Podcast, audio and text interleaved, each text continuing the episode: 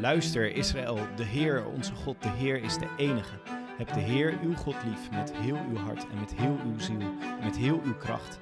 Houd de geboden die ik u vandaag opleg steeds in gedachten. Prent ze uw kinderen in en spreek er steeds over thuis en onderweg, als u naar bed gaat en als u opstaat. Draag ze als een teken om uw arm en als een band op uw voorhoofd. Schrijf ze op de deurposten van uw huis en op de poorten van de stad. Deuteronomium 6, vers 4 tot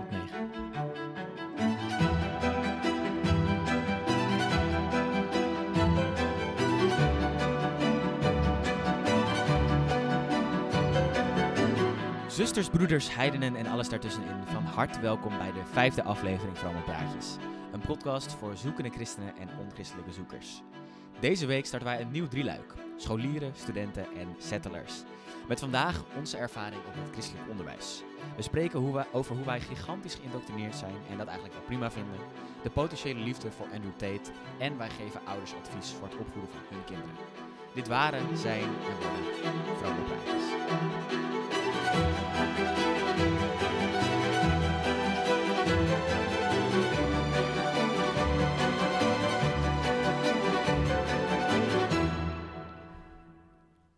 Bart, Ja! aflevering numero weer. Eh, 1, 2, 3, 5. 5. Heel Vijf. goed. Heel goed. We zijn weer terug met een nieuwe aflevering. We moeten onze excuses een klein beetje aanbieden, want eh, de afgelopen weken eh, hebben we qua uploadschema een beetje de tw- eens in de twee weken losgelaten. Onze excuses daarvoor. Koen, Koen wil zijn excuses aanbieden, maar Ja, maakt niet zoveel uit. Nee, Bart scheelt niet zoveel. Ik heb iets meer, ik heb iets meer OCD dan Bart, dat is prima. Eh, maar we zijn er weer met een kerstverse aflevering. Ja, Ehm, voordat wij alles eh, overal induiken, hoe was je zondag? nou, ik, wa ik, ik hoopte dat je dit niet ging vragen.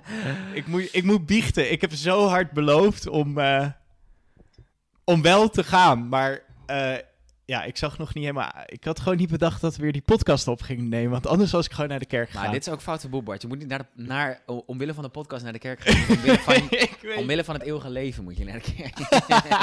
nee, ook dat niet. Alleen het punt was, eh, ja, er was echt WK wielrennen en ik heb me daar al echt, nou, ik heb al weken daarvoor staan te popelen. Dus ik wist zaterdagavond al, zondag ga ik de hele dag op de bank liggen. Van, van nou, ik denk van tien uur 's ochtends tot, tot zes uur 's avonds heb ik tv gekeken. Dus jij hebt een nieuwe verlosser gevonden. eh, Eh, de, de heilige Matthäus van de Poel is mijn verlosser geworden. Ja, gefeliciteerd hoor.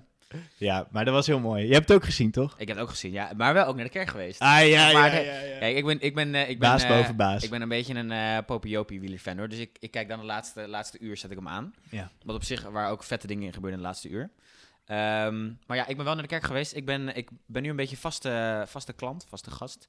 Bij een kerk waar ik me soort van nog niet lid ben, maar wel een beetje lid reken. Dus ik dacht, Koen, je moet even wat consistenter naar de kerk gaan. Ja. Ehm, en eh, dus ben ik nu voor de derde zondag op rij in de kerk geweest. Ik heb zelfs dat mensen me herkennen in de kerk.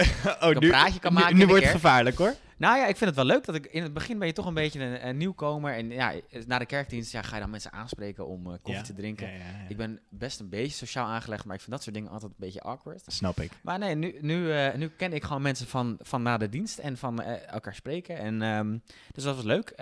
Prima kerkdienst over vergiffenis. Vergiffenis? Ja, vergeving.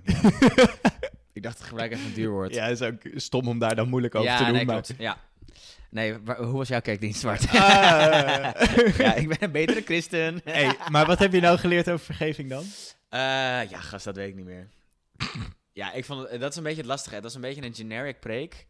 Wel Ehm, veel generic preken daar. hoor. Ik wil niet nee, trash ja, talken, maar het is, het is ook een beetje zomerprogrammering hoor.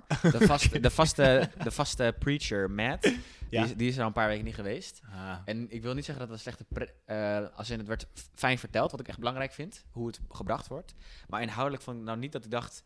Mijn ogen zijn geopend. Oké. Maar goed, dat is, ehm, dat, eh, is eh, tot daar aan toe. En toen heb ik gewoon smiddags ehm ook WK wielrennen gekeken. was allerlei voetbal op.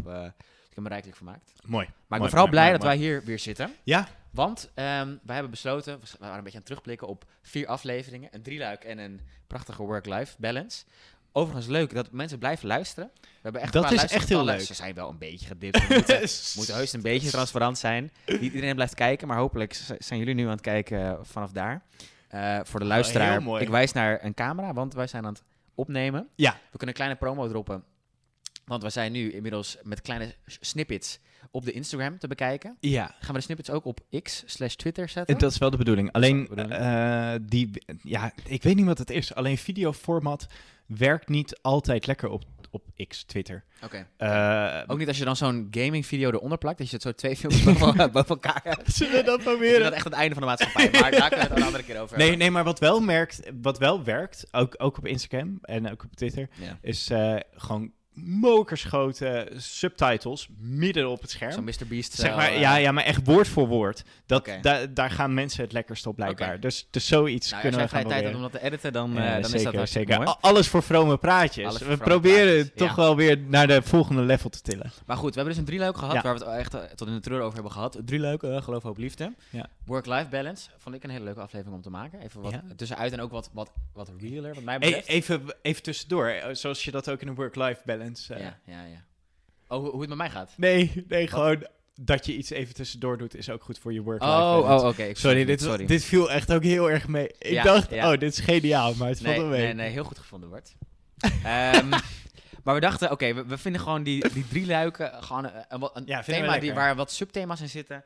Die geven ons een beetje houvast en het zijn ook leuk om eh, in door te werken. Ja. Eh, dus dachten we, oké, geloof over liefde, dat is een beetje ehm, nou, abstract. We hebben we best, denk ik, concreet kunnen maken op sommige momenten. Ik moet zeggen, bij die hoopaflevering dat ik nog steeds aan het zweven ben als ik daarover nadenk. Jij weet nog steeds niet het verschil tussen hoop en geloof, volgens nee, mij. nee, nee, klopt. Ja, mijn simpele ziel kan het niet aan, Bart. Ehm, maar dus dachten we, oké, hoe kunnen we dat, dat, beetje dat, dat grappige wat wij hebben meegemaakt, waar we toch ook een beetje in deze podcast bij stil willen staan, onze eigen ervaringen. Ja. Eh, en dus zijn we uitgekomen op een thema die een beetje over onze jeugd, o- over de laatste paar jaren van ons leven en ook over de toekomende jaren Ja. eh, gaat. Ja. Wat voor mal hebben we daarvoor gevonden, Bart? En nou, eh, eigenlijk een soort van de christelijke levensloop. Eh, want wat wij nou heel interessant vinden is een soort van dat spanningsgebied opzoeken tussen aan de ene kant de christelijke traditie die je hebt meegekregen en aan de andere kant de wereld waar je eh, met beide benen middenin staat. En, en dat spanningsgebied, dat willen we heel graag bestrijken. En eh, we dachten dat kan heel erg goed door eigenlijk drie dingen te bespreken. Namelijk eh, um, gewoon on- onze tijd als scholier, als, als, als basisscholier en middelbare scholier. Mhm. Wat best wel uniek is, omdat je binnen de christelijke bubbel zit je over het algemeen gewoon op een christelijke school. Ja. En dat was voor ons heel normaal, maar voor heel veel Maar mensen... is, dat überhaupt normaal? de- exact. En dan eh, willen we het hebben over de christelijke studententijd. Ja. eh, wat ook wel een beetje te onderscheiden is, toch wel van de... Ja, ik, Ja. maar het heet het over de normale studententijd, maar dat is wel precies zo'n frame. Ja, daar hebben we ook wel leuke verschillende ervaringen, denk ik, over. eh, dus dat. Absoluut. Dat komt de volgende aflevering. En de derde, want dat is toch wel een beetje het summum waar je dan naartoe werkt. Ja, ja het is dan het saaie burgerleven. Dus we, we hebben scholier, student en saai. Ja, ja, ja. ja, En, en, en natuurlijk het christelijke verhaal is dan dat... Ja, eigenlijk moet dat dan wel het huwelijk worden. Ja, ja burgerleven, een beetje set, het saaie Settelen. settelen. Ja. Dat, dat was de derde S. Wat was de derde S geweest? Mojo, scholier, student, settelen. Settelen, ja.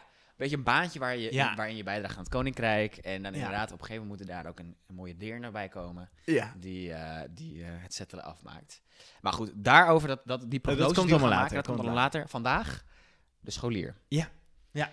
Ik vind het wel leuk om een beetje, omdat, ehm, nou, veel van jullie, onze luisteraars zijn natuurlijk ook een beetje kennissen van ons. eh, voorlopig, we gaan natuurlijk hierna opblazen. maar, ehm, eh, die, die hebben misschien ook een beetje in de christelijke bubbel gezeten. Misschien ook niet. Ja. Ehm, even een klein, klein cv'tje doen wat betreft Ja, scholen. Ja, ja, ja, trap af. ik trap hem af. Ik eh, ben begonnen op de crash. Ik heb geen idee of dat christelijk was of niet. Eh, maar ik had wel een hele, Op de li- crash. ja, een hele lieve juf Yvonne. Dat weet- gewoon, ik weet nog dat ze Je Yvonne weet heette. nog dat ze Yvonne... Maar toen, hoe oud was je? Twee? Ja, ja, twee, drie, vier denk ik.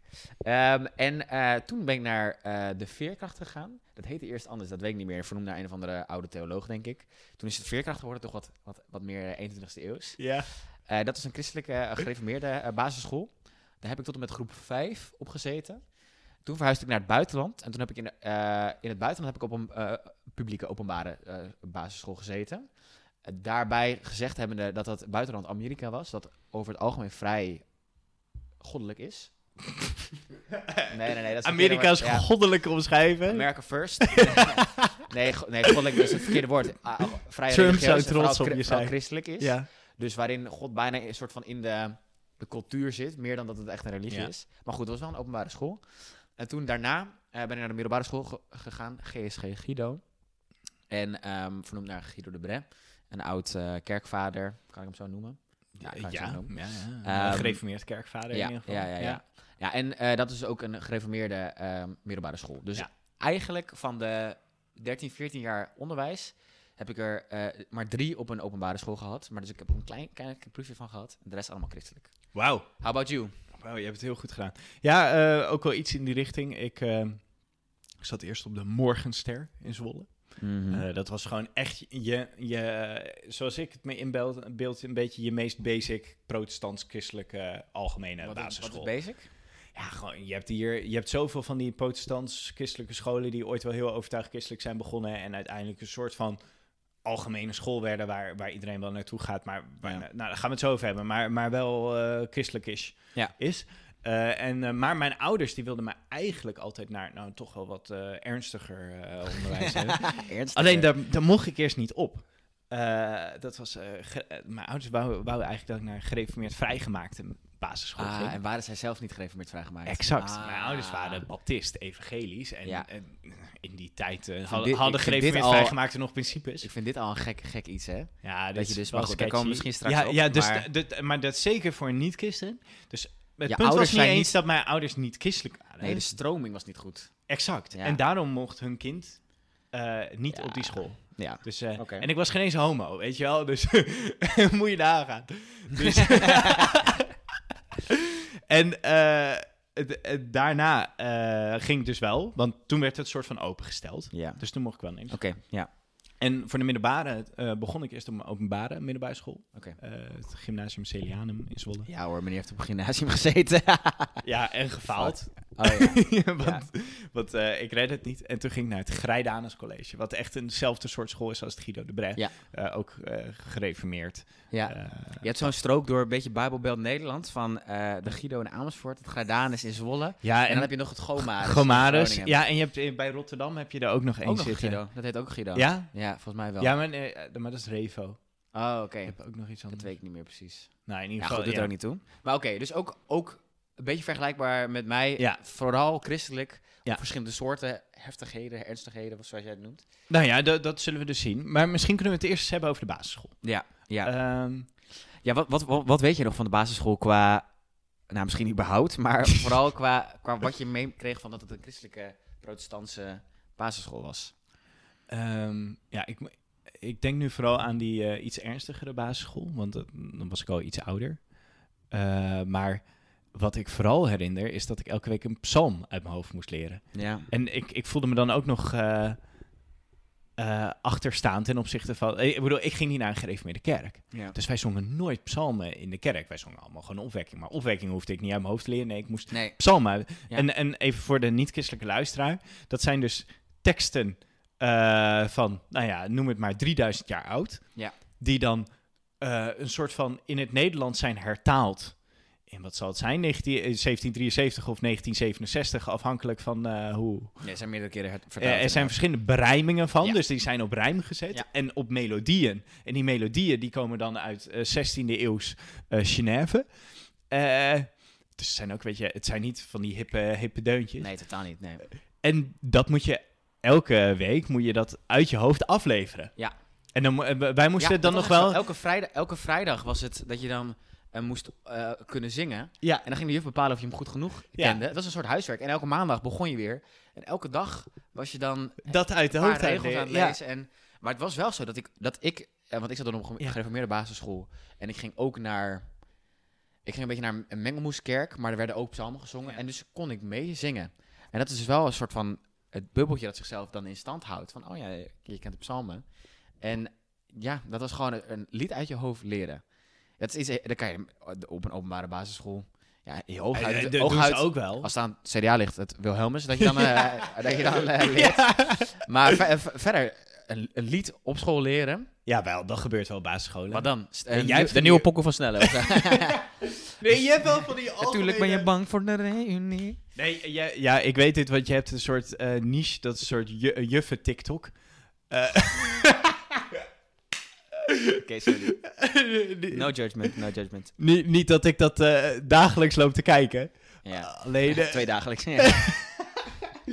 Maar, maar dit is, eh, ja, dat is dan eh, allemaal van die, eh, het zijn ook allemaal juffen. eh, oh nee, ook wel meesters. Maar die natuurlijk veel moesten met hun klas omgaan. Het is best leuk om te kijken. Ja, hoe, eh, trucjes om, om, om kiddo's stil te krijgen en dat soort dingen. Mhm. Alleen eh, dan leren ze ook wel liedjes. Dus daardoor weet ik dat op openbare basisscholen ook liedjes worden geleerd. Oké, dan vind ik het eigenlijk minder gek dat we psalmen moeten leren. Ja, als je dan een christelijke school bent, dan leer dan de liederen waar een soort van wijsheid in zit, wat, wat jou betreft als school zijnde. Ja, alleen eh, ziet hoe lieflijk en vol heil- heilgenot of eh, het heigend hert der jacht ontkomen. Dat spreekt toch iets minder Ah, tot de kinderlijke verbeelding. ik eh, denk niet dat je dat soort nummers op de basis... heigend hert. eh, Ja? Ja, nou, ik weet niet. Ja, wij zongen wel een nieuwe berijming trouwens. Maar als, alsnog, Ja, nee, oké. ik, ik ken er ook niet veel meer Maar hoor. psalmen inderdaad, dat was, dat was wel een typisch dingetje. Ja. En eh, verder denk ik ook vooral gewoon bijbelverhalen die je leert. Hè?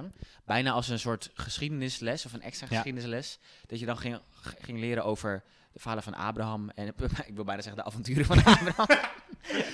Big. Adventures. ja, of, of dat, eh, dat, eh, dat David en Goliath, nou dat vond ik als kind natuurlijk fascinerend. Een super vet verhaal. David met zijn Eh, slinger, die was voor niemand bang. Precies, ja, ja. Ja. En daarna een koning en dan ging vreemd naar Juice.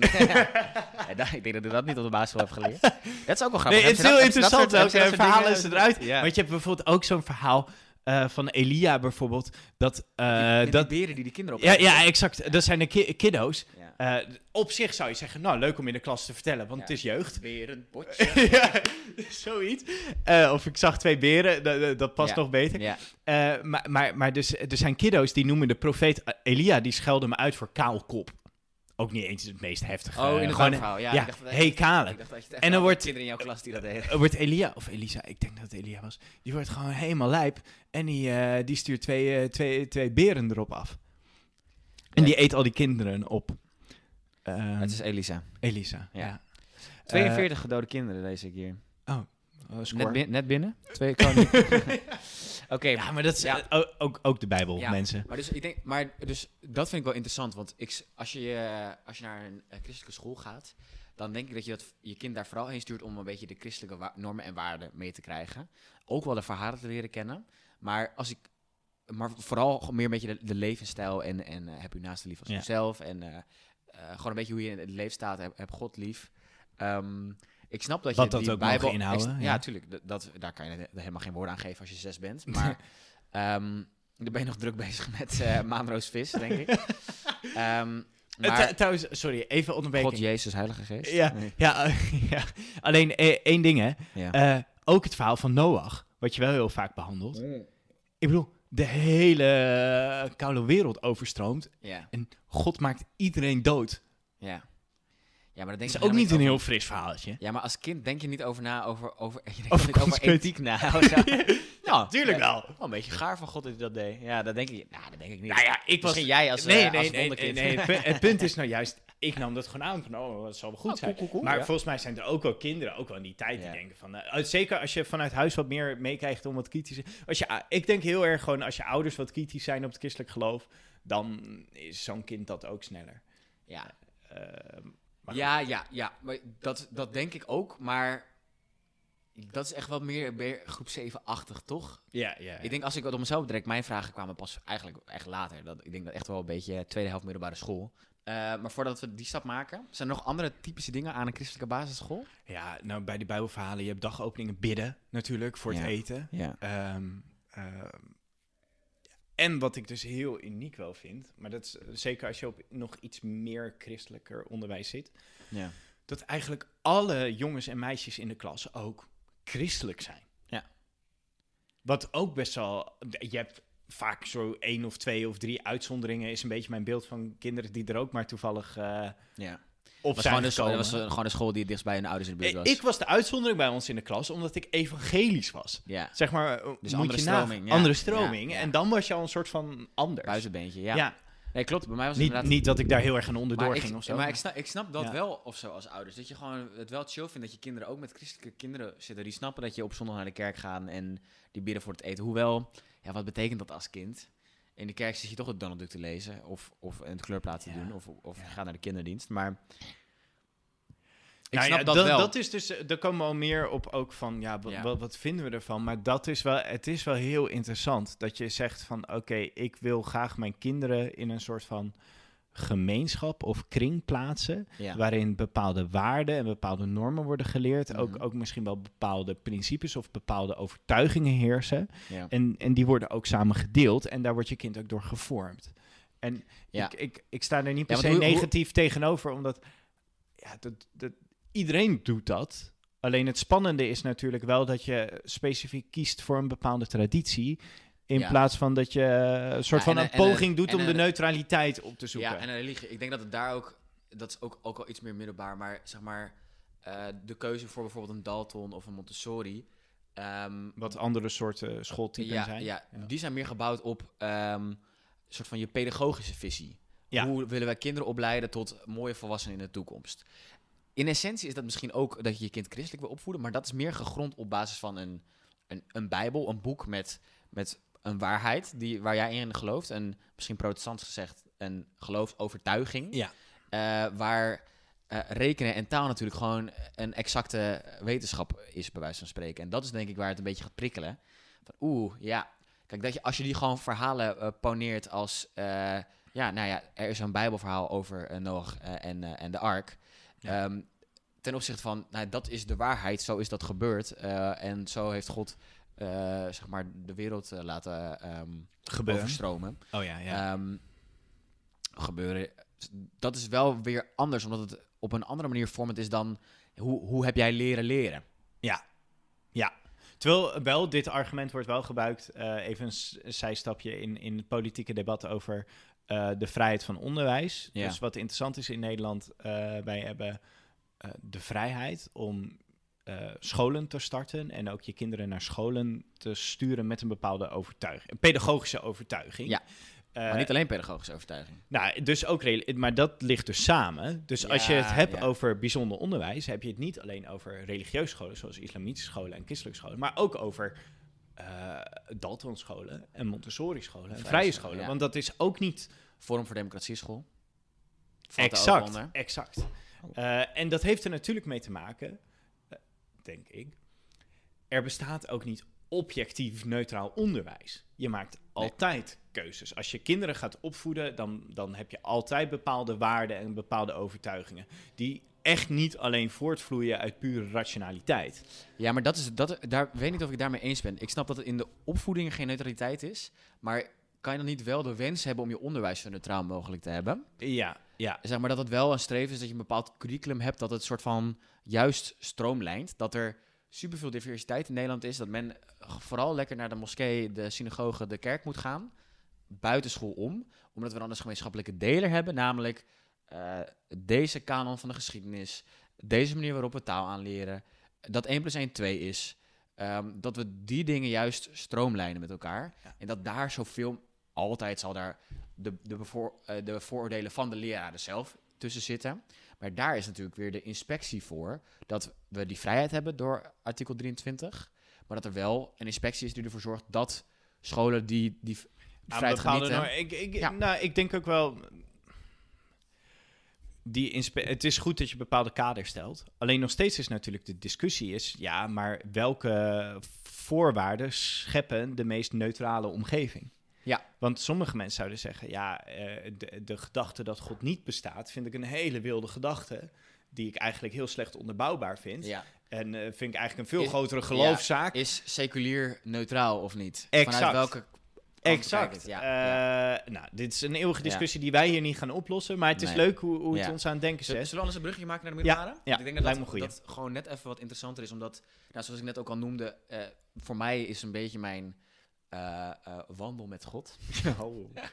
Of in ieder geval een beetje wat meer, nou laat ik het breder trekken, mijn, mijn eigen bewustzijn Ja. is ontstaan. Ik denk, ja, ik je bewustzijn. ja, nee, maar gewoon meer het bewustzijn Ja, van mezelf. Dat komt natuurlijk met puberteit, maar dat je gewoon, gewoon denkt, oh, ik ben middelbare zo, school. zo kijken mensen naar mij. Wat vind ik van mezelf? Wat vind ik in het leven? Ja. Et cetera. Dat komt een beetje op de middelbare school. En voor mij ook iets meer tweede helft middelbare school. Dan is school denk ik nog veel meer vormend. Omdat het wat meer in gaat spelen op je denkbeelden. En om- omdat je een beetje aan het schroeven bent aan je denkbeelden. Ja, en je komt ook met bepaalde vragen naar school toe. Ja, zeker. Ehm, ja.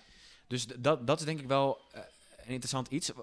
Een middelbare school, christelijk, waarin merk je dat het anders is dan normaal onderwijs, denk je? Ja. Wat heb jij onthouden van het Grijdanus Ehm, nadat je natuurlijk best wel het contrast hebt meegemaakt. Want je hebt de ja, eerste ik heb twee, eer- drie jaar... Eerste vier jaar. Vier jaar, oké. Want ik eh, ben mooi ook nog blijven zitten.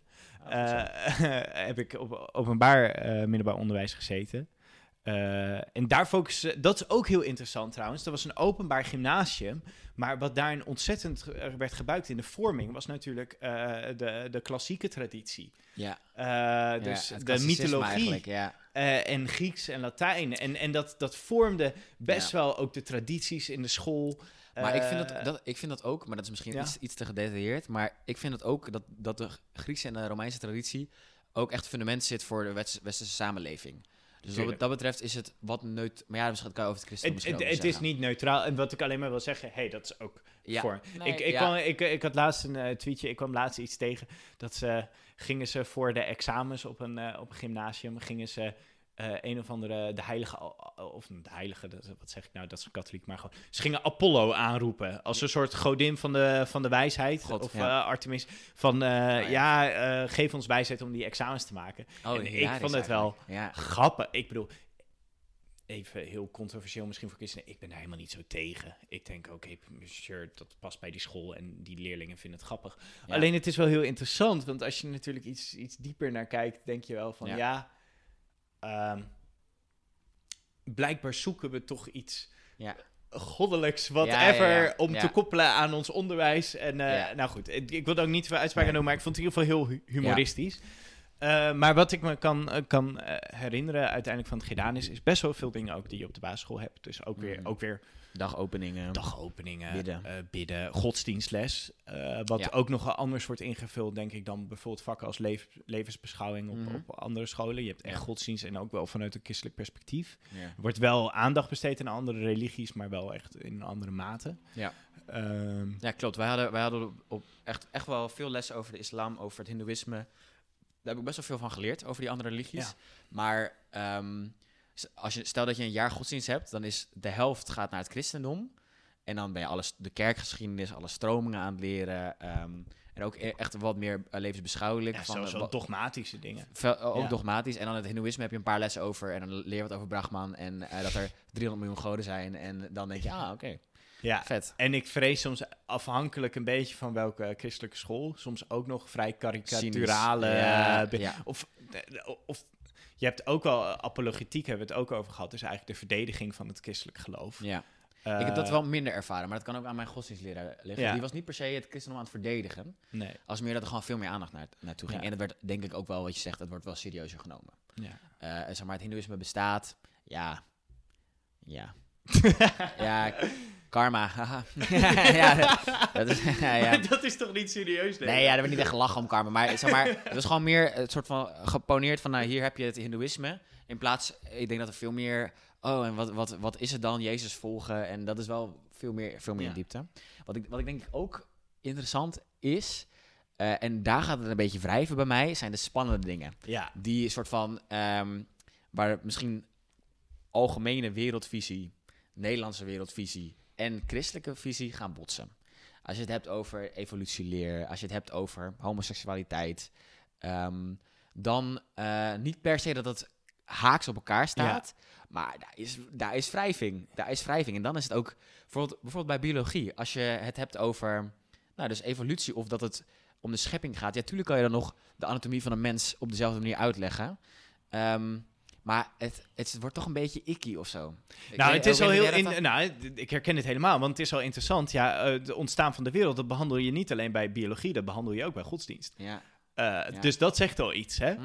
Eh, Ja. En op zich denk ik terecht, want het ontstaan van de wereld is meer dan alleen de biologische analyse ervan. Ja. Maar, eh, en ook zeker, ik was best wel een hardliner in mijn middelbare schooltijd, eh, qua christelijke. Ik Ja, ben echt, eh, nou, ik ben wel geradicaliseerd op een bepaalde manier. Ja, Dus- no- we noemen het echt radicaliseren. ja, ja, ik noem het wel Oké, geradicaliseerd. li- maar ligt toe, ik ben benieuwd. Ehm, ik denk dat ik. ehm,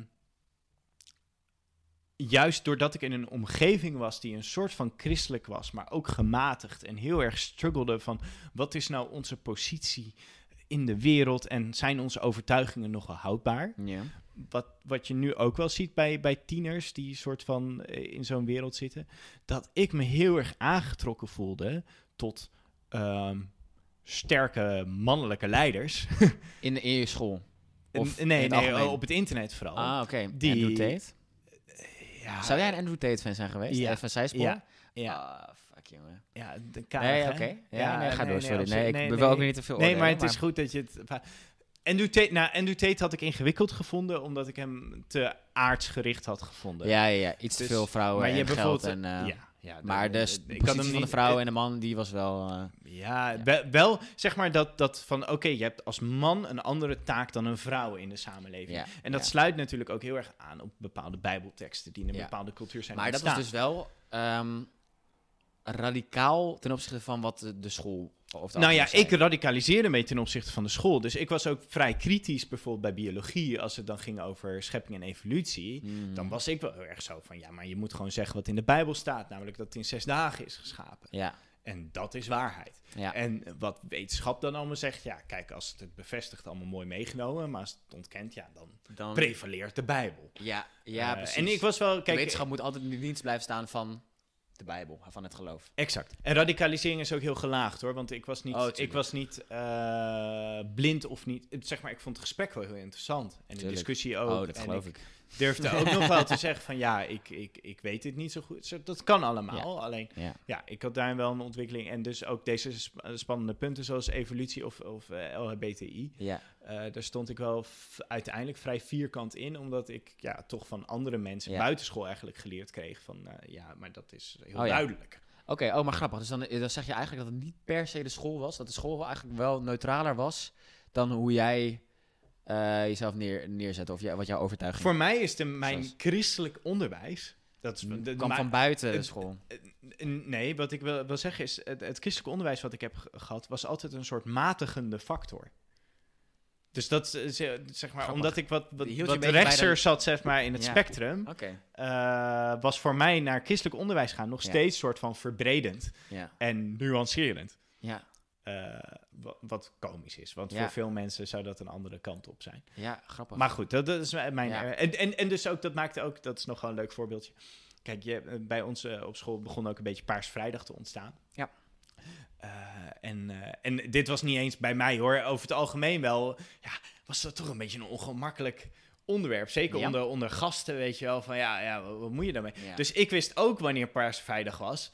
Eh, dat wist ik wel welke data Paars Vrijdag was. Maar dan vooral om uit te kijken dat ik niet per ongeluk iets paars aandeed. ja, ja. Eh, omdat je dan sowieso opmerkingen krijgt van homo of, of, of whatever. Ja, en dat wilde ja. je natuurlijk maar ik weet niet... toen de tijd voorkomen. nee, dat is ook zo. Maar ik denk dat dat niet per se uniek christelijk is. Ik denk dat dat soort... eh, ik bedoel, sad genoeg in, in elke school. homo, Paarse Vrijdag. misschien dat het iets... Ik hoop dat dat iets geëmancipeerder is. Ik bedoel, wij zijn ook oude lullen. Wij zitten ook al zes, zeven jaar niet meer op eh, de middelbare. Ik geloof zeker dat dat veranderd is. Alleen je hebt nog steeds scholen waarin gewoon docent zijn en actief. Eh, homo tricky is. Ja, Ja. dat dat, dat Heb ik ook op mijn, op, op eh, mijn basisschool gehad. Dat dat... dat eh, maar dat eh, dat al helemaal dingen zijn. Ik weet het ook van mij. Ik, ik weet dat- gewoon welke echt- docenten. eh, Ik weet niet van alle, maar ik weet, je wist van Oh, sommige van, eh, docenten. Nee, maar je wist dat van sommige docenten. Dat is eigenlijk heel apart. Maar er werd wel een Wat soort van het ertoe? onderhuids Ja. eh, Ja. over gesproken. Dus dat is dan een thema. En het is een ongemakkelijk thema. Ja, ja zeker. Ja, ik zit te denken aan mijn middelbare school. Los van de, de- die ongemakkelijke thema's had ik ook wel inderdaad... Nou, dan ging het over eh, ontstaan van de aarde. En dan dacht ik ook van ja... Nou ja, volgens mij is die aarde niet in zes dagen ontstaan hoor. Ik bedoel... eh, ik, heb ik heb gewoon boeken gelezen. En, eh, 14-jarige onderzoek gedaan. Koen. But actually. ja, ja, ja, ja, ja, ja. Als je even goed nadenkt. Maar er waren er ook veel mensen die... eh, Dus dat maakte, deed ik dan een beetje lacherig over. Nou, zei, zei ook een docent... Nou Koen, ik denk dat er best wel veel mensen in de klas zijn... die denken dat het wel zo is. Ja. En toen zat Bart... na- nee, nee, nee. Maar dus dat, dat, was, dat wel een, een puntje. En het was... Ik denk meer dat het een bubbel was... in dat ik veel christelijke vrienden hadden. Mijn ouders ook, hebben ook heel bewust eh, gekozen. Ze hebben mij ingeschreven in een school, in een, eh, aantal, eh, op het Amsterdam Systeem en op eh, de Guido. Eh, en daar was ook de afweging van ja, oh ja, of misschien terug naar Amsterdam waar, we woonden. Eh, en ehm, nou, dan op die school, of wel op christelijke school, zodat Koen niet eh, een buitenstaander was. Zodat hij er wat Ja. makkelijker bij hoorde. Omdat als je als christenen onderling, ook al ben je 12, 13, je snapt elkaar wat beter. Oh, maar dat is wel interessant. Jij kan misschien niet afspreken op zondag omdat je naar de kerk gaat. Ja. Of je kan niet eh, werken aan je huiswerk met een groepje omdat je naar de kerk gaat. Of eh, er zijn andere, re- andere subtielere dingen die je beter van elkaar begrijpt. Ik denk, denk dat dat, als ik terugkijk op die schoolervaring, ook een hele grote rol heeft gespeeld. Dat ik gewoon voornamelijk christelijke vrienden had. En ook wel vrienden die een beetje aan het twijfelen waren, maar... Maar dat is wel een interessante positieve. Nou, dat is dus de ingewikkelde afweging. Alleen ik vind dit dus heel interessant. Van, Ja. Kijk, voor jou was dus op een bepaalde manier christelijk onderwijs ook wel een soort van geborgen en veilig. Althans, Ja. in ieder geval volgens het idee van je Nou, ja, ouders. ja, zeker. Veilig, ja. Eh, wat ook een klimaat schept. Want eh, we hebben het nu een beetje over spanningsdingen gehad. Ja. Alleen eh, misschien ook om iets positiefs te overnoemen. Ehm, het christelijke onderwijs heb ik zelf ervaren. En ik denk jij ook wel als een vrij veilig klimaat. Ja. Eh, omdat er, be- er gelden bepaalde normen, bepaalde eh, waarden die best wel gehandhaafd worden. Ook een bepaalde orde of zo. Ja. Er is ook nogal Ja, sprake van gezag nou, en niet per se- exact, ja, meer gemeenschappelijk, maar ook een, sprake van misschien wel zelfs gezond gezag. Dus, dus dat, Ja. dat kinderen over het algemeen meer beter luisterden naar hun ouders. Ja. Ook minder rebels waren naar docenten, Ja. eh, eh, denk ik. Eh, en dat dat ook wel kan zorgen voor een betere sfeer op school. Ik denk ook bij mij in de bovenbouw, nou, dat is dan Ja. wel bovenbouw VWO, ja. maar er werden echt weinig mensen gepest. Ja. Eh, en ik zat niet aan de kant van de pester dat ik eh, Ja. dit zeg. Echt? Nee, ik heb nooit, ja, nooit, nooit wat van gewerkt. Ja. Nee, maar dat was echt een contrast met de openbare school waar ik op. En het is super biased, het is mijn perspectief. Maar het is echt een verschil wat ja, ik heb en dat is natuurlijk wel iets wat je als elke school nastreeft. Een veilig leerklimaat. Omdat Ja. je dan daar veel, meer, veel beter bloeit. Vooral in de onzekere periode dat de puberteit heet. Is het gewoon heel fijn om ehm, inderdaad die geborgenheid te vinden. Wat je noemt. Ehm, als we hem Door. Ja. even een beetje doorpakken. ehm, we vinden het ook altijd leuk om een beetje de theologische blik erop te geven. Ja. Is, er, is er, los van natuurlijk gewoon persoonlijke opvatting van ik wil mijn kind christelijk opvoeden, want ik ben christen. Is er een soort theologie? Waarom is, zit er, zit er in, in de, de Bijbel dat we dat moeten doen? Of Nou, eh, ik denk waar het, waar, waar het veel vandaan komt dat eh, christenen ook echt wel de neiging hebben of, of eh, graag willen dat er christelijke scholen zijn, is omdat er een heel erg een nadruk is in de Bijbel, voornamelijk in het Oude Testament, van het, Mhm. het, het doorgeven wat je hebt geleerd van Ja. God in de generaties. Dus, dus de Joodse cultuur is heel intergenerationeel. Dus een moeilijk woord voor gewoon, eh, heeft heel veel oog voor de verhoudingen tussen generaties en ook Ja. afkomsten en stambomen zijn Ja, als je de hele belangrijk. Bijbel leest, de hoeveelheid stambomen die er Exact, maar dat komt ook omdat Joden die vonden je, de naam heel belangrijk. Je, Ja, je je afkomst, familie, de ja. familie, je stam. En dat heeft allemaal ook te maken, denk ik, denk ik niet, dus, denken mensen, eh, met het feit dat de Joden, het Joodse volk, op een gegeven moment verspreid is over de aarde. De diaspora. De diaspora, inderdaad. Oh, sorry. Eh, ja, Ja. of diaspora, whatever. Aga, agape. Daar weer naartoe? Nee, bij diaspora, eh, dan boeit het me niet Ja, zo. Misschien zeg ik het wel verkeerd. Eh, Dat denk ik. Maar, maar het Joodse volk is daardoor verspreid. Ja. Alleen het unieke aan de Joden is altijd geweest dat ze hun traditie heel goed hebben eh, bewaard. En daar zit heel. hoe komt dat? Omdat ze het heel belangrijk vonden om het van generatie op generatie op Ja. generatie Zit door te geven. misschien een stukje familie-eer haast in. Het, ze- gewoon identi je Ja. identiteit, je eer, Ja. je, je, je, je toekomst. Ja, dus eh, misschien... al dus die mis- dingen. Misschien eh, een beetje glad ijs als, eh, als, als witte christen. Maar misschien waarom bijvoorbeeld in, ehm, in, in moslimgezinnen het ontzettend heftig is als iemand van het geloof afstapt. Omdat het ook bijna eh, ehm, de hele familie opzij zetten betekent. En dat, oh, dat, ik zeg maar dat dat in christelijke context niet is, dus omdat, denken we, omdat wij denk ik in een veel individualistischere samenleving Ja, ik, ik denk dat komt door onze, onze, de verlichting die wij hebben gehad. Ja. Waarin heel erg eh, wat, je, Het de- zelf de- nadenken. wat je denkt en wat je gelooft, wordt heel erg een beetje ja, haast gescheiden van je identiteit. Of Ja. Zeg maar een soort van, nou, je, je hebt gewoon wat je, eh, wat je denkt. En daar valt ook religie onder. Ja. Daarom is het ook een beetje. Het is heel verlicht om te zeggen van ja. Eh, de voetbalclub of, of, of je muziekvereniging is hetzelfde als je geloof. Want het is gewoon iets wat je kiest. Ja. Terwijl eh, in de Joodse cultuur en Tim in de Hofman, luister je cul- Ja, ja, deze is voor Tim Hofman. Eh, en dus ook, denk ik wel, van de origine christelijke cultuur nog steeds. Is geloof niet eh, alleen iets wat je kiest, maar ook Nee. iets wat je overkomt. Ja. Ik, ook in de theologie is geloof iets wat je overkomt. Je wordt Ja. door God aangeraakt. Maar Ja, goed, dan, dan wordt het heel ja, theologisch. tradi- Oké, traditie Eh, dus. dus je hebt traditie en in Deuteronomium heb je heel veel opdrachten ook om die wetten allemaal door te geven. En eh, eh, de- Mhm. die Joodse kinderen die gingen dan naar een rabbijn, Ja. een soort meester. En die moesten gewoon een hele koude Torah uit hun hoofd leren. En al, alles wat erbij kan kijken. Ja. En, en uitlegtradities. Ja. Een ander element die je in de psalmen ziet, en die vind ik ook heel interessant... eh, en die ook wel iets zegt over waarom ouders hun kinderen naar christelijk onderwijs zouden willen sturen, is dat eh, in Psalm 127 staat: Kinderen zijn een geschenk van de Heer. Ja. dus- Kinderen maak je niet, die krijg je. ja, ja. Eh, de vrucht van de schoot is een beloning van God. Als pijlen in de hand van een schutter, zo zijn kinderen verwekt in je jeugd. Gelukkig de man, of vrouw, zeg ik er even ook bij. Gelukkig de man of vrouw wiens koker is gevuld met pijlen zoals zij. Hij of zij staat niet te schande als hij zijn vijanden aanklaagt in de poort. ja. En eh, je vijanden aanklagen in de poort. Eh, in de poort, in de, eh, de Joodse gemeenschap, dat was gebouwd in een cirkel. En dan had je een, de poort. En daar zaten alle wijze mannen over het algemeen. En die eh, bediscussieerden daar het reilen en zeilen van de gemeenschap. Dus als er in de Bijbel, als het gaat over de poort, is dat zeg maar een soort van het politieke centrum. Ja. En het punt is dus, ja, als jij jouw kinderen goed opvoedt. Ja. Want jouw kinderen zijn jouw pijlen in je koker die je kan afschieten Ja. over de aarde. En als jij goede pijlen hebt, dan sta je niet te schande eh, in je gemeenschap. ja. Oh, weer dat, weer dat Eh, eervolle, dat traditie. Dat eh, eervolle, gericht, en dat zie je ook in het Nieuwe Testament in 1 Timotheus, een, een brief die aan Paulus wordt toegeschreven. Ja. Weten wij veel of die door hem is geschreven. Maar in ieder geval, daar wordt een instructie gegeven aan de kerk. Als je opzieners aanstelt of soort van leiders, dat het toch wel belangrijk is dat zij ook goed leiding kunnen geven aan hun gezin. En dat je dat ook kan zien aan het gedrag van de kinderen. Ja.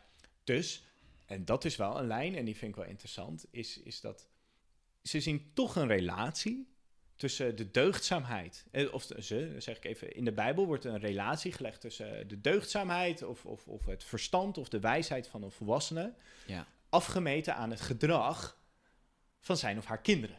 Ja. Eh, en nou, dat is een eh, interessant onderwerp misschien om aan te snijden. Ja. Eh, Oké, maar, dat maar dan, daaruit volgt wel heel logischerwijs dat je, dat je heel graag je kinderen op een manier opvoedt, omdat zij ook jou vertegenwoordigen. Jouw, de familienaam vertegenwoordigen. Exact. Ja. En zo, wer kijk, zo werkt het natuurlijk ook van... eh, Kijk, het, werkt op heel veel manieren door. Je hebt nu bijvoorbeeld ook wel ouders die... Voor zover ik iets weet van volwassenencultuur... Ik heb een paar vrienden die kinderen we zijn bijna burger, hè? we worden, Ja, we worden ja. volwassenen. Alleen, ja, weet je, als jouw kind presteert... Ja, tering Dat is toch cool, Ja, weet je wel? tuurlijk, je, hebt tuurlijk. ouders, je hebt ouders die scheppen daar toch... eh, die- je hebt de neiging om op te scheppen over kinderen die het, die het goed doen. Het, heeft, het heeft toch met je identiteit te maken. Als jij vette kinderen hebt die vette shit doen, Dat- zoals onze ouders die een kinderen hebben die een podcast maken. Nee. juist, juist. ja. Pap, mam, deze is voor jullie. Eh, Nee. Oké, sorry. Maar, eh. Maar eh, inderdaad, zeg maar, het, het is een belang. En zeker van het christelijke ouders, die het dan ook nog heel belangrijk vinden om goed te zijn voor de wereld en al, Ja. al dat shit. Nou ja, en ja, dan wil je dat je kinderen dat leren. Nou ja, en ook dat, je, dat jij gelooft dat, dat Jezus de weg aan de waarheid is. En eh, dat als je dat echt gelooft, dan is dat het natuurlijk het ultieme wat je je kind gunt. Ja, ja. En dan eh, is het, eh, doe je eigenlijk jezelf tekort door dat niet op een juiste manier mee te geven. En dat heel veel mensen dat zullen interpreteren als dan christelijk onderwijs. Ja, en, Ja. en, en da- da- daarmee wil ik het theologische een beetje afronden. Is Ja. een dilemma waar ik zelf op kom. Is, kijk, ik, ik heb hier een boekje. De gewone catechismus. Die is gemaakt door Theo Plezier, Arnold Huigen en Dolf de Velde. Zijn Hey, Arnold Huigen. theologen. Dat is een bekende naam.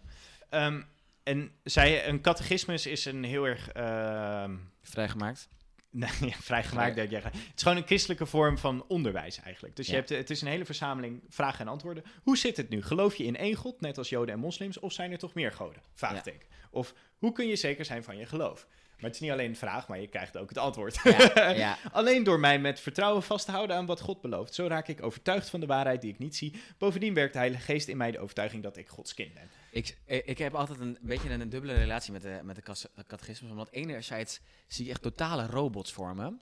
Gewoon, ik geloof in God. Want, ja. want ik sta mijn vertrouwen op. eh, dat, Ja. dat, is- dat is Ja. enerzijds. Anderzijds is het wel heel eh, onderwijzend. En kunnen die vragen en ook die antwoorden, omdat er bij die antwoorden zit natuurlijk ook interpretatie en uitleg. En dat is natuurlijk breder dan alleen kunnen opdreunen wat er staat. Ehm, geeft ook wel houvast voor heel veel vragen die moeilijk zijn. En dat het dan gewoon een soort keuze is om je toe te leggen op bepaalde theologie. Ja, nou, de- en daarom is zo in reformatorisch onderwijs dus nog anders dan gereformeerd onderwijs. Om Oké. dus even een niche aan te rijden. Dan moet je ook de Heidelbergse catechismus vaak uit je hoofd leren. Ja, Dus dat is een bepaalde, bepaalde Dat catechismus. is een bepaalde catechismus, Ja. ja. En dan moet je dus echt vragen en antwoorden uit je hoofd kennen. En eigenlijk ook een soort van interna... Nou, de verwachting is ook dat je het ermee eens bent. Ja. Zeg maar, je kan Ja. het niet Mhm. zeggen van... Nou, dit maar als je- antwoord als je- verander ik even. Maar als je belijdenis doet, dan zeg je ook dat je, dat je gelooft in de Heidelbergse catechismus, toch? Of iets in die trant. Exact. Ja. D- ze- d- Wat Zeker... ik ook heftig vind dat je daarin gelooft. Kijk, Dat je in de Bijbel gelooft, Allah. Maar oké. Ah, je, je bent wel aan het ja, wij- nee, nee, ik bedoel aan het afvallen. nee, alle- alleen het dilemma wat ik dus zie in christelijk onderwijs. Ja, is nou goed christelijk onderwijs dat je kinderen leert de juiste antwoorden te geven? Of is goed christelijk onderwijs dat je kinderen leert de juiste vragen te stellen? En ik denk dat dat ook een issue is waar, waar christelijke scholen wel mee struggelen. Van ja, zijn we nu vooral bezig met kinderen te vormen door te zeggen: zo moet je leven en dit is het goede? Ja. Waar zeker wel wat in zit, denk ik. Mhm. Omdat volledige openheid over, nou zoek het helemaal zelf maar uit. Ik weet niet of, of. Ik denk dat er iets goeds in kan zitten als mensen ook zeggen: joh, dit hebben wij geleerd in de afgelopen honderden jaren. Ja. Dit hoef jij niet meer. Je mag het wel uitzoeken, maar neem nou eerst maar eens van ons aan dat het ongeveer in deze richting zit. Ja. Daar zit best wel wat in. Ja. Alleen aan de andere kant is, ja, je moet wel kinderen zo vormen dat ze ook zelf leren goede vragen te stellen en, Ja. en, en ook zelf op zoek te gaan naar het antwoord. Eh, nou goed, dat, dat, en ik denk dat die beide dimensies ook in de Bijbel en in de christelijke traditie naar voren komen. Ja. Dus je hebt, je hebt theologen en je hebt eh, bijbelschrijvers die heel erg focussen op Jezus is het antwoord, of, of, of, Ja. of, of zo zit het. En je hebt ook bijbelboeken die veel meer focussen op de vragen die leven onder christenen. En de emoties die loskomen, de ervaring van het wandelen met God. eh, waar niet zozeer antwoorden worden aangereikt. En dat Ja. zie je ook weer onder theoloog. Nou goed, Oké. eh, dus, de- die lijnen wou ik nog even ja, neerleggen. dus dat is ook een dilemma voor als je een je kind naar christelijk onderwijs stuurt. Geef ze daar antwoorden of leren ze daar vragen stellen? Ja. Ja, oké. Eh, ik denk, Bart, als ik, als ik een beetje over dit onderwerp nadenk, dat er nog één puntje is die we niet helemaal aangestipt hebben. Ja. En dat, is, dat is eigenlijk een beetje dat, dat artikel 23 versus artikel 1 eh, aanstippen. Eh, heel, ja, heel kort gezegd. samen. Artikel 23 gaat over de vrijheid van onderwijs. Ja. En dat is dus waar jij ook al net over had. Dat je in Nederland het recht hebt om je eigen school met, vanuit een bepaalde pedagogische of eh, geloofs- of levensovertuiging te starten. En dat je daar ook financiering vanuit de overheid van kan krijgen. Nou, daar is Nederland uniek in. Er is heel veel vrijheid van onderwijs in eh, landen dat je je eigen school mag starten met je eigen overtuiging. Maar dan moet je het wel op eigen houtje doen. Nou, Ja. dat is in Nederland niet zo. En ehm, de discussie is een beetje dat ehm, dus, dus door overheid gesubsidieerde scholen zijn die een bepaalde overtuiging hebben, Allah, maar ook mensen mogen weigeren eh, op basis van da- dat hun overtuiging niet matcht met die van de school. Ja, daar, ik snap natuurlijk als je in die scholen zit dat daar wat voor valt te zeggen. Namelijk, joh, eh, wij doen alles op basis van wat er in de Bijbel staat. Dat is ons hele fundament en jij onderkent die niet. Dus wat heb je te zoeken op onze school? Ja. Maar eh, dat botst met artikel eh 1 en dat is gewoon dat, dat je niet mag discrimineren. En nou, dat, is een, dat is een beetje een struggle. Ehm, dat is een gesprek die je kan hebben. Dat gaat bijna meer over het fi- financieren vanuit de overheid. Wat een beetje gek voelt. En dat snap ik ook. Wat ik interessanter vind, is de vraag stellen... ehm, leidt bijzonder onderwijs niet op een, manier, op een foute manier tot segregatie? ja, dus tot, tot bubbelvorming. Tot bubbelvorming, ja. Ja. Waar we natuurlijk gewoon eigenlijk voor onze vorige generatie, onze ouders uit de verzuiling komen. Ja. Waar dan letterlijk alles een bubbel was. Leidt niet je kind op een bepaalde school zetten ook tot een vorm van segregatie, waardoor je elkaar minder snapt? Ja. Ehm, als je daar een beetje over gaat, na gaat denken, je hebt ehm, iets dat heet de, de, de contact hypothesis of contacthypothese. Ja. weet Cool het in het. Ja. Engels. ik, ik, zei, ik zei het ook, dit dacht ik na. Dat scheelt ook twee letters. Maar, eh, en dat, dat, dat is, is letterlijk een eh, theorie die gaat over dat des te meer je met elkaar in contact bent als verschillende groeperingen, zij dat op basis van etniciteit, eh, religie, eh, intellect, ehm, dat je gewoon door meer contact met elkaar te hebben ook veel minder vooroordelen hebt, eh, veel veiliger voelt bij elkaar. Ehm, en, en, en dus ook makkelijker met elkaar samenleeft. Eh, in Nederland was er een onderzoek over mensen die eh, veel eh, in, in omgevingen wonen met veel moslims. Dat er veel minder negatieve vooroordelen. Mensen die veel werkten met moslims, hetzelfde verhaal. Nou, en dat onderzoek valt ook te plakken op, op ehm, in Amerika met Afro-Americans en de, de houding daar tegenover. Dat ehm, volgens mij is er een onderzoek gedaan onder witte atleten Ja. die in teamverband sporten met zwarte mensen of individueel eh, sporten. En diegenen die in teamverband sporten met zwarte mensen hadden veel positievere houdingen tegenover eh, Afro-Amerikanen. Ja, dat verbaast me niks. Ehm, en vanuit die gedachte is het misschien gek om met alleen maar christenen of alleen maar moslims bij elkaar op school te zitten. Ja. Wat, wat, wat denk jij ervan?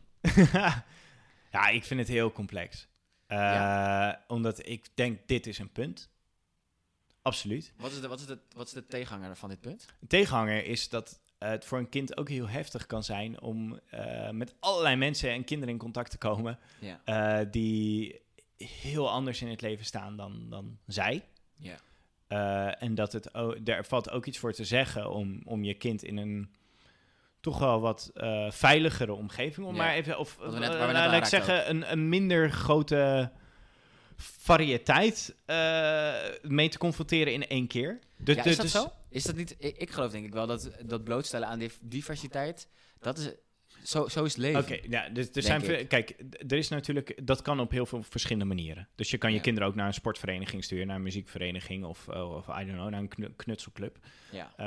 Eh, dat hoeft niet per se op school. Ja. Dat, Ja, dat, is een ja, argument. oké, maar dat kan je natuurlijk ook precies de andere kant op beredeneren. Je gaat al naar de zondagschool, eh, je hebt al eh, christelijke vriendjes van je kerk. Doe dan een school lekker neutraal. Dat kan. Alleen, alleen het punt is dus dat er een grote groep Nederlanders is die zegt: ja, maar ik wil graag eh, dat mijn kind naar een school gaat met een bepaalde overtuiging. Ja, maar is en de ik vind het dom? minder. En Kan je niet gewoon een soort van tegen beter weten in van, die, van Nou de ja. Nederlanders zeggen... wij willen een maatschappij waarin de Jood met de moslim, met de christen, met de hindoe omgaat. Eh, Nou, dat alle is dus de, dat heen. is de actua- actuele discussie. Ja. Alleen daarin krijg je dus het gevaar dat de seculiere meerderheid die dit vindt, ja. gaat heersen over de religieuze minderheid. En Ja. dan kom je ook in de buurt van het aantasten van de vrijheid van godsdienst. Maar is het dus niet de vrijheid van onderwijs, maar de vrijheid van godsdienst. Dat, dat ieder mens in Nederland, wat ook een hele belangrijke Nederlandse waarde is, dat ieder mens in Nederland eh, de vrijheid heeft om zijn godsdienst eh, te, eh, te, te beleven en uit te Ja. voeren binnen bepaalde grenzen Ja. natuurlijk. En dat daar dus ook bij kan horen dat jij je kinderen op een bepaalde manier wil opvoeden.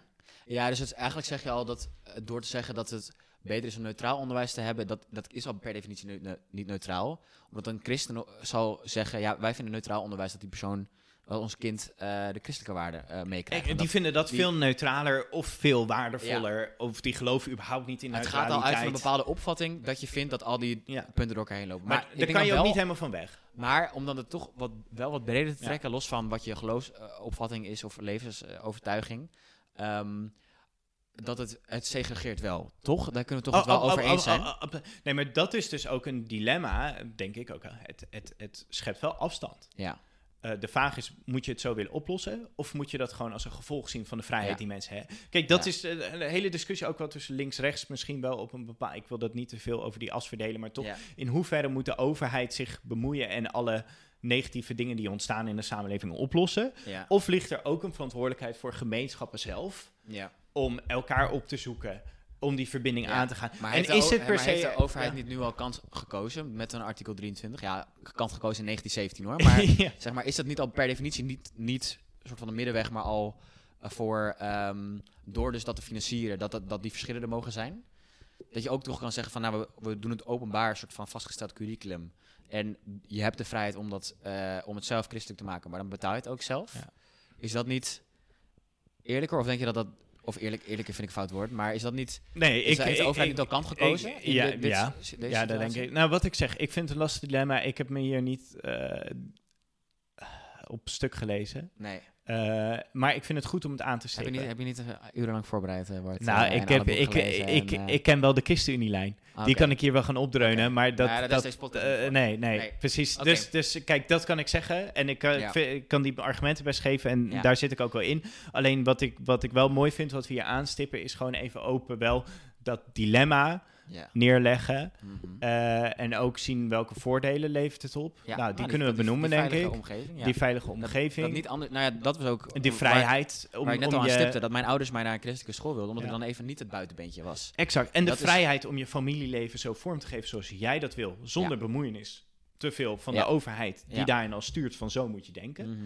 Ja. En het nadeel is afstand die ontstaat. En misschien ook wel een mate van Minder- subjectieve denkbeelden die je als absolute meekrijgt. Ja. Die, die je Ja. eh, na de hand op de universiteit, waar we bij de volgende aflevering komen, Ja. eh, weer moet gaan afbreken misschien. Ja. Hey Bart, ik denk dat het misschien wel interessant is om voor onze conclusie, de vraag te stellen. Wat zouden wij doen voor onze kinderen? Over 10, 15 jaar Yes. mochten wij gezegend zijn en een kind ontvangen. Toch een geschenk krijgen. Ja, wil je gelijk doorgaan naar de conclusie? Laten we naar de conclusie gaan. Oké.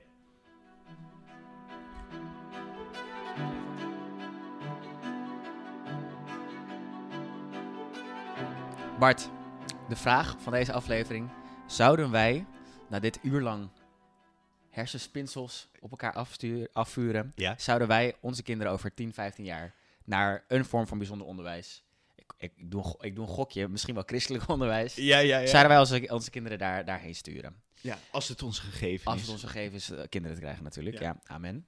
Ehm, ik denk dat, eh, ik vind het een beetje tweeledig, omdat enerzijds ehm, ben ik mijn ouders heel dankbaar en kijk ik heel positief terug op het christelijk onderwijs dat ik heb ge- gekregen in eh, de vorming, dat ik het niet, ik vond het niet slecht onderwijs dat ik heb gehad omdat het christelijk onderwijs was.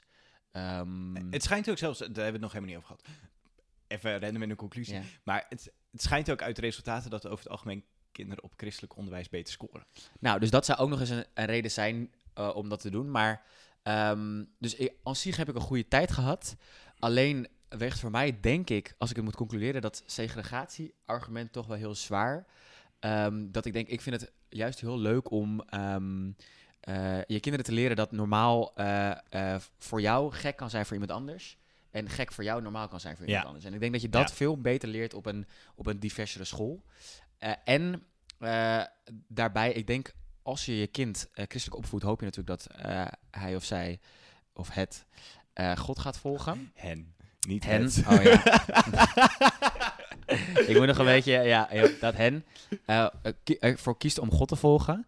En ehm, ik vind het toch een mooie gedachte dat je door iemand op openbaar onderwijs te zetten, die persoon wat meer de vrije ruimte geeft, zonder ze al heel erg af te kaderen en de verwachtingspatronen heel hoog te scheppen, dat het een nog misschien oprechtere keuze kan zijn voor het christelijk geloof of, Ja. of, of het geloof, dan wanneer je al alle kaders meekrijgt en alle mensen Als je iemand helemaal een kant uitduwt, dan voelt het ook niet eigen voor zo'n Ja, kind dat om, kan om mooi die zijn. overtuiging te ontwikkelen. Ja, ja. Ja. en dan is het meer de vraag van hoe belangrijk vind je dat die persoon helemaal oprecht vanuit zichzelf die keuze maakt. En je kan natuurlijk al helemaal filosoferen van hoe, hoe oprecht kan iemand zijn keuze echt zijn eigen keuze zijn. Ja. Maar, maar goed, je snapt denk ik mijn punt. Ja. Hoe, hoe is het voor jou?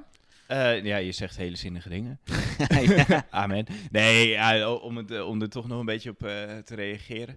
Ehm, ik, ik, ik denk dat. Ik vind het wel heel mooi als er geput wordt uit de christelijke traditie. eh, door een school, omdat ik die christelijke traditie gewoon heel rijk vind. En eh, van mij mogen ze ook best de islam. eh, en, en dit klinkt heel primair hoe ik, eh, hoe ik erover praat. Maar ik bedoel, van mij mogen ze ook andere religieuze tradities erbij betrekken. Maar Ja. ik vind de christelijke traditie heel mooi. Dus ik vind dat waardevol om dat in het onderwijs te verwerken. Maar eh, uiteindelijk zou ik ook gewoon kijken naar eh, wat is gewoon een goede school. Ja. Ehm, omdat uiteindelijk, waar we het over hadden, wil ik vooral dat mijn toekomstige kinderen zouden leren om de goede vraag te stellen. Ja. En niet per se de juiste antwoorden aangereikt krijgen. Dus eh, ja, eh, dan maar lekker op zoek. Oké. Ja. Oké. Ja, wat een eh, genuanceerde, wel afgewogen conclusie. Ja, dan zijn we toch een beetje teruggekomen van onze, van onze uiterste, denk ik. Ja. Maar leuk. Hey, ehm, volgende keer duiken wij in het, in het studentenleven. Ja, ja. In, in, alle- Life goes on. in het- alle ins en outs. Ik denk dat een beetje de, de, de tijdperk waar wij net een beetje uitkomen. Ja. Helaas, tot mijn spijt moet ik dat zeggen.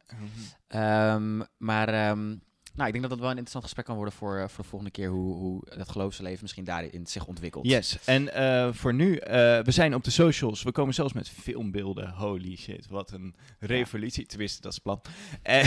Dat moet ik zo gaan editen. En we zijn op Twitter, we zijn op Instagram. Ehm, volg ons, deel ons, reageer alsjeblieft. Dat vinden we echt heel erg leuk. Eh, want daar hebben we ook wat aan en dat helpt ons weer verder spinselen. Ja, zeker. En ook als jij input hebt van, je denkt van nou, over het studentenleven als christen heb ik wel wat te vertellen. Ja, Drop dat, dan hebben we misschien Leuk. wel leuke input om, Ja. eh, om eh, over te Ja, praten. let's do that. Dank voor het luisteren en tot over twee weken. Ciao, ciao.